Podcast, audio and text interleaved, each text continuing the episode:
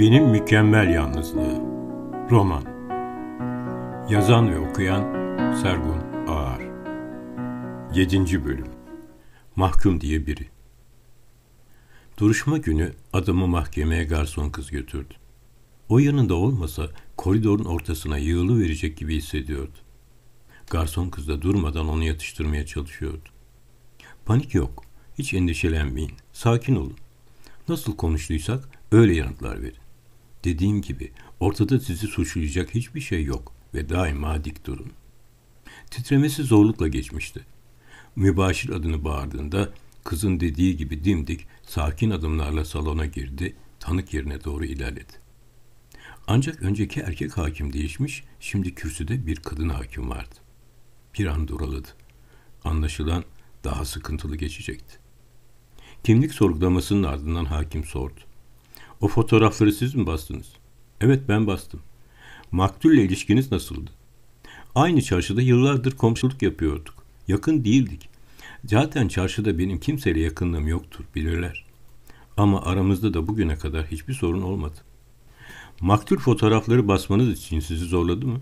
Hayır efendim. Ama yaptığının çok ayıp bir şey olduğunu kendisine söyledim. Sizce yaptığı ahlaksız bir şey değil miydi? Evet efendim. Ben de kendisine aynı şeyi söylemek istemiştim.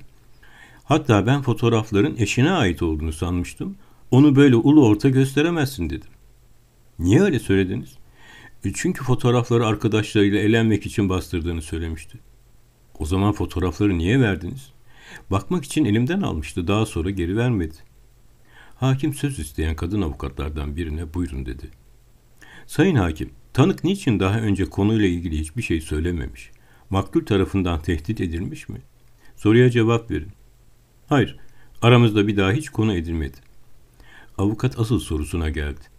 Kendisi de bu arkadaş eğlencesine katılmış mı? Ne diyorsunuz? Hayır efendim. Dedim ya ben aralarına hiç katılmazdım. Benimle paylaştıkları bir şey yoktu. Hakim bir süre durdu. Tıklım tıklım dolu salondan çıt çıkmıyordu. Kuyumcunun karısı en önde kadın avukatların yanında oturuyordu. Yine aynı elbiseyi giymişti. Adam gözüyle garson kızı aradı. O da iyi gidiyor anlamında başını salladı. Hakim kendisine dönüp, yasalarda sizi suçlayacak bir şey bulamadım. Ancak benim yasama göre siz de suçlusunuz ve elimde olsa sizi cezalandırmak isterdim. Bence siz kendi kendinizi cezalandırmalısınız. Şimdi buyurun gidebilirsiniz. Yerinden kalktığında sırılsıklam terlemişti. Dışarı çıkarken garson kız yanına geldi. Gülümsüyordu. Tam çalıştığımız gibiydiniz. Aferin size. Gördünüz mü? Size hiçbir şey olmaz dememiş miydim? Demiştiniz ama sonunda burası bir mahkeme. Olsun. Boşuna endişelendiniz. Endişem boşuna değil. Suçlu bulundum. Kendi cezamı kendimin vermesi istendi. Bu daha ağır bir ceza. Ne neler hissettiğini anlatabilir, ne de anlatabilse kimse anlayabilirdi. Buna siyah saçlı da dahildi. Eve girer girmez bilgisayarını açtı. Bu gece onu dinleyecek, kendisi tek kelime etmeyecekti. Ve kadın ağır ağır anlatmaya başladı. Bu gecenin ne özelliği var pek anlayamadım. Madem sözü bana bıraktınız, çok merak ettiğiniz bir konuya yanıt vereyim. Uzun zamandır beni daha yakından tanımayı ve hakkınızda neler düşündüğümü bilmek istiyorsunuz. Haklısınız. Bana olan düşkünlüğünüzü anlıyorum. Ve bu benim de hoşuma gitmiyor değil. Gecelerinizi benimle paylaşıyorsunuz. Bunun sizin için ne kadar değerli olduğunu farkındayım. Ama önceden belirtmeliyim ki size söyleyeceklerimi anlayıp anlamamak yine sizin elinizde. Umarım beni açıklama yapmak zorunda bırakmazsınız. Doğada her şey bir iz bırakıyor. Bir kum tanesi bile bunu yapabiliyor. Tabii birbirimiz üzerinde izler bırakıyoruz özel ilişkilerde çoğalan duygularla birlikte anladığımızdan çok daha derin izler kalıyor. Zeki, bilgili, zevkli insanların bıraktığı izler ise bize yeni değerler katıyor. Ben onlar sayesinde gerçekçi bir insan olmayı, kendimi sürekli geliştirmeyi becerebildim. Ne var ki uzun bir süre sevmek ya da sevilmekle ilgili ne varsa yüreğim onlara kapalı kaldı. Kaç kez sevgi sözcüklerini ıskaladım. Kaç aşkı, kaç dostluğu harcadım söyleyemem. Üstelik hiçbirinin üzerinde düşünmemiştim bile. Resim yapmaya olan aşkım bana yetiyordu zaten. Ne var ki sizi tanıdıktan sonra hayatımdaki boşluğu fark ettim. Bana iyi geldiniz. İyi kalpli oluşunuz, tevazunuz, saf denilecek kadar dürüstlüğünüz, kibirden uzak duruşunuz bana sizin başka bir dünyadan olduğunuzu düşündürdü. Ancak sizi daha yakından tanıdıkça kaygılanmaya başladım. Mesela hata yapma korkunuzdan bir yığın hata yapıyorsunuz. Umudunuz bile kırıntulu ve kırılgan. Mutlu olmaya hiç yanaşmıyorsunuz. Bir gün bana Edip Cansever'den bahsetmiştiniz. Mutluluk kibrit çöpü gibidir. Artık ne kadar yanarsa. Siz kibriti bile yakmıyorsunuz. Tüm bunlarla birlikte bende yarattığınız hüzün benim size olan düşkünlüğüm oldu. Bu gece için bu kadar yeter. Başka bir zaman yine devam ederiz. Adam yerinden kalkarken her zamanki sözcüklerini sıraladı. Beni benden daha iyi anlatıyor. Ben bu kadına nasıl aşık olmam? Yine güzel çarşambaydı. Benim canım balık yemek istiyor. Bilmem siz de bana katılır mısınız? Garson kızın pek hoşuna gitmemişti. Ben pek yemem. Israr etmeyi sevmem ama bunu denemelisiniz. Garson kızın muzipliği üstündeydi. Ama ısrar ediyorsunuz. Tamam tamam. Ciddi değildim. Sizi kırmak istemem. Bu kez size katılabilirim. O zaman çarşının çıkışında bir adam var. Arabada sardalya pişirir. Sadece öğlenleri gelir. Bir saate kalmaz balığı bitirir gider. Adını kimse bilmez. Herkes ona mahkum der. Uzun zaman hapis yatmış. İri yarı oldukça ürkütücüdür. Kafası daima ustralıdır. Kapkarı uzun uçları kıvrık bıyıkları vardır. Görünce korkabilirsiniz. Ama bir sardalya yapar, herkes önünde kuyruk olur. Öğle vakti parkta buluşmuşlardı. Mahkuma giderken anlatmayı sürdürdü. Kimseden sipariş almaz. Yüzüne bakar, tabağa istediği kadar koyar. İtiraz edemezsin. Bir daha istesen de seni beğenmemişse vermez. Ne kadar yersen ye, herkesten aynı parayı alır. Onunla ortak bir özelliğimiz var. O da benim gibi pek konuşkan değildir. Tuhaf biriymiş. Bu balıktan daha ilginç geldi. Yaklaştıkça balık kokusu artmaya başladı. Garson kız kokuyu alınca. Gerçekten çok güzel koktu. Sadece sardalya mi var diye sordu. Sadece sardalya. Ama 12 kadar lezzetlisini bulamazsınız. Geldiklerinde mahkumun arabasının önünde yine kuyruk vardı. Mahkumun önlüğünden arabasının tentesine kadar her şey bembeyaz tertemizdi. Onlar da sıraya girdiler. Mahkum sıra ihlaline çok kızardı. Yapan olursa en sona bırakırdı. Adamı iyi tarif etmişsiniz ama ben o kadar korkutucu bulmadım. Sanki film karakterine benzettim. Tam sıra onlara gelmişken uzun boylu biri birden önlerine geçiverdi. Kız adamın kulağına öküz, öküzün önde gideni diye fısıldadı. Mahkum durumu fark etmişti. Sert bir şekilde öküzün önde gelenine sıranın en sonuna geçmesini söyledi. Adam yerinden kıpırdamadı. Mahkum adamı tekrar uyardı.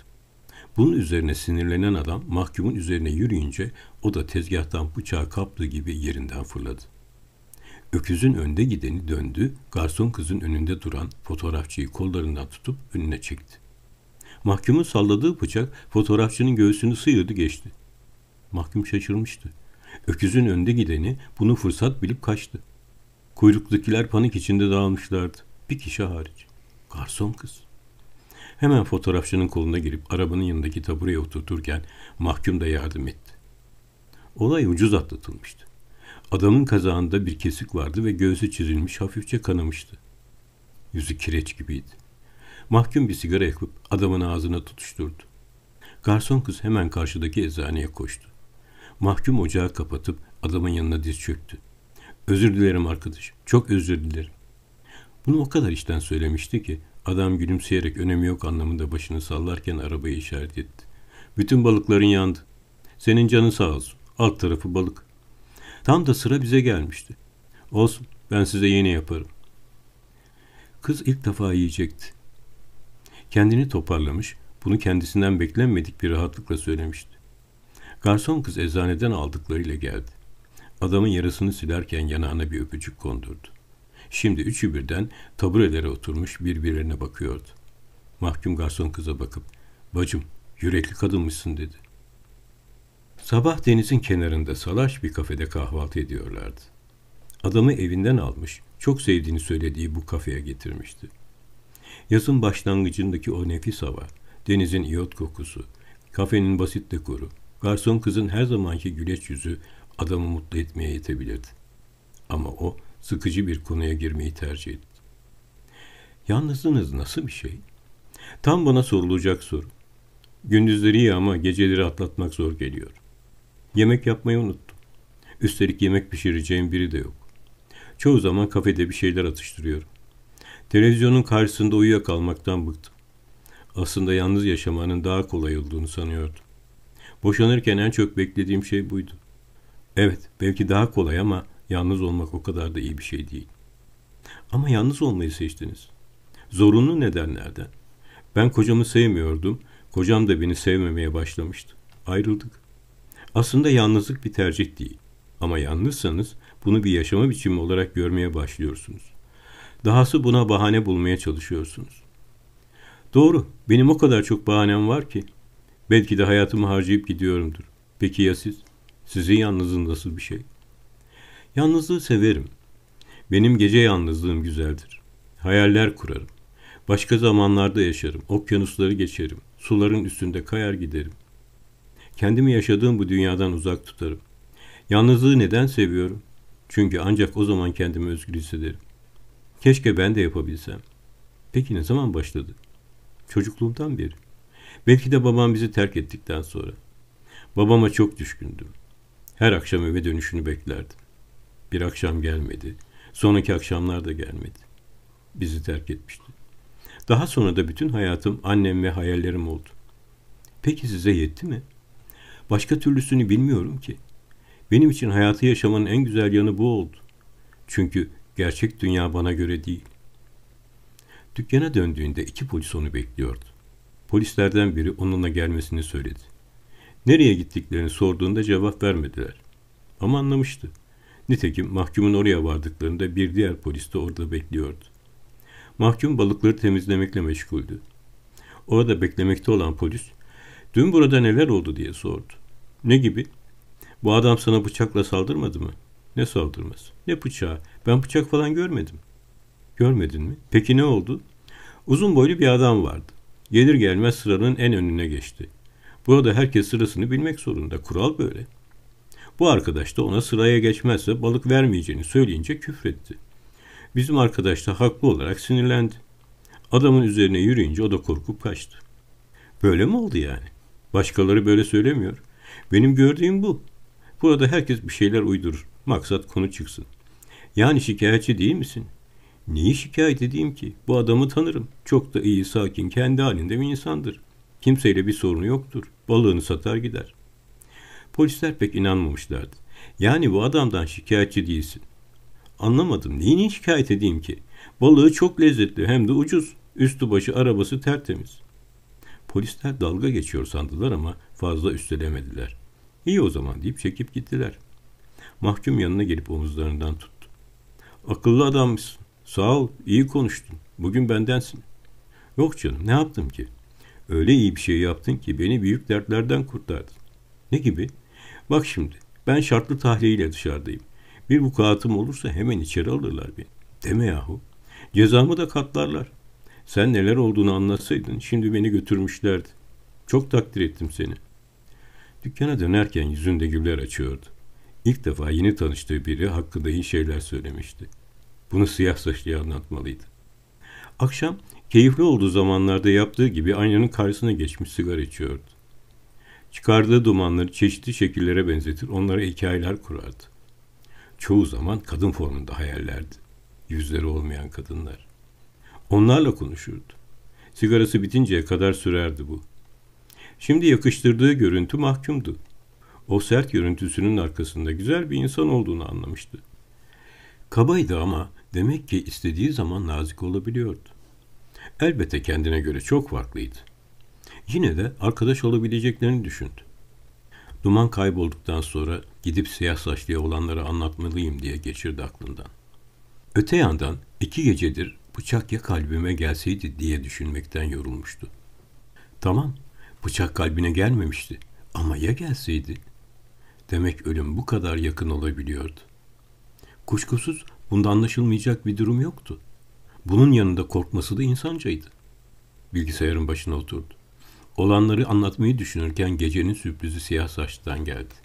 Bu kez mektup yerine bir şiir göndermişti. Yüz yıl mı yaşadım bilmiyorum. Bir yüzyıl daha mı sürer hayat? Hiç isteklisi değilken artık ben yaşamaktan bu kadar sıkılmışken başka bir yer, çok başka bir yer arıyorum. Bu dünyadan çok uzaklarda. Sadece gecesi var, gündüzü olmasa da. Yaşamak aldatıcı bir şey. Ölümdür gerçek olan. Işıksız ve kırılgan bir umut bile kalmamışken yüreğimde, sevdiğine kavuşamamışsa aşık, neye yarar sayılı günler ya da boşa geçmemiş midir hayat? Ne yazık, son kez görebilseydim, gitmeden ölüme, bakabilseydim yüzüne son kez. Olmuyor, ulaşılmıyor, çok uzaktalar. Şimdi elimde sadece bu gece var, geceden sonra karanlıklar. Şiiri tekrar okudu. Tam ölümü düşünürken üstüne gelmişti. Bu bir veda şiiri miydi? Yani hayata veda eder gibi mi yazılmış bir şeydi? Sormadan edemedi. Niçin böyle bir şey yazdınız? Siz hayata bağlı bir insansınız. Tabii ki hayata bağlıyım. Sadece bir şiir. İntihar etmeye hazırlanan bir kişi o sırada neler düşünmüş olabilir? Kendimce bunu anlatıyorum. Gazetede bir intihar haberi okumuştum. Ondan yola çıkarak kendi intiharımı anlatmaya çalıştım. Neden kendisine gönderdiğini sormadı. Ancak şiiri de çok beğenmemişti. O umutsuzluğu yansıtmıyordu. İçeriğinde yaşamdan vazgeçmek için yeterli bir neden yoktu. Üzerinde daha çalışması gerektiğini yazacaktı, vazgeçti. Tek kopya bir çıkış aldıktan sonra bilgisayardan sildi. Aldığı çıktığı dörde katlayıp kilit çekmecesine sakladı. Benim mükemmel yalnızlığım devam edecek.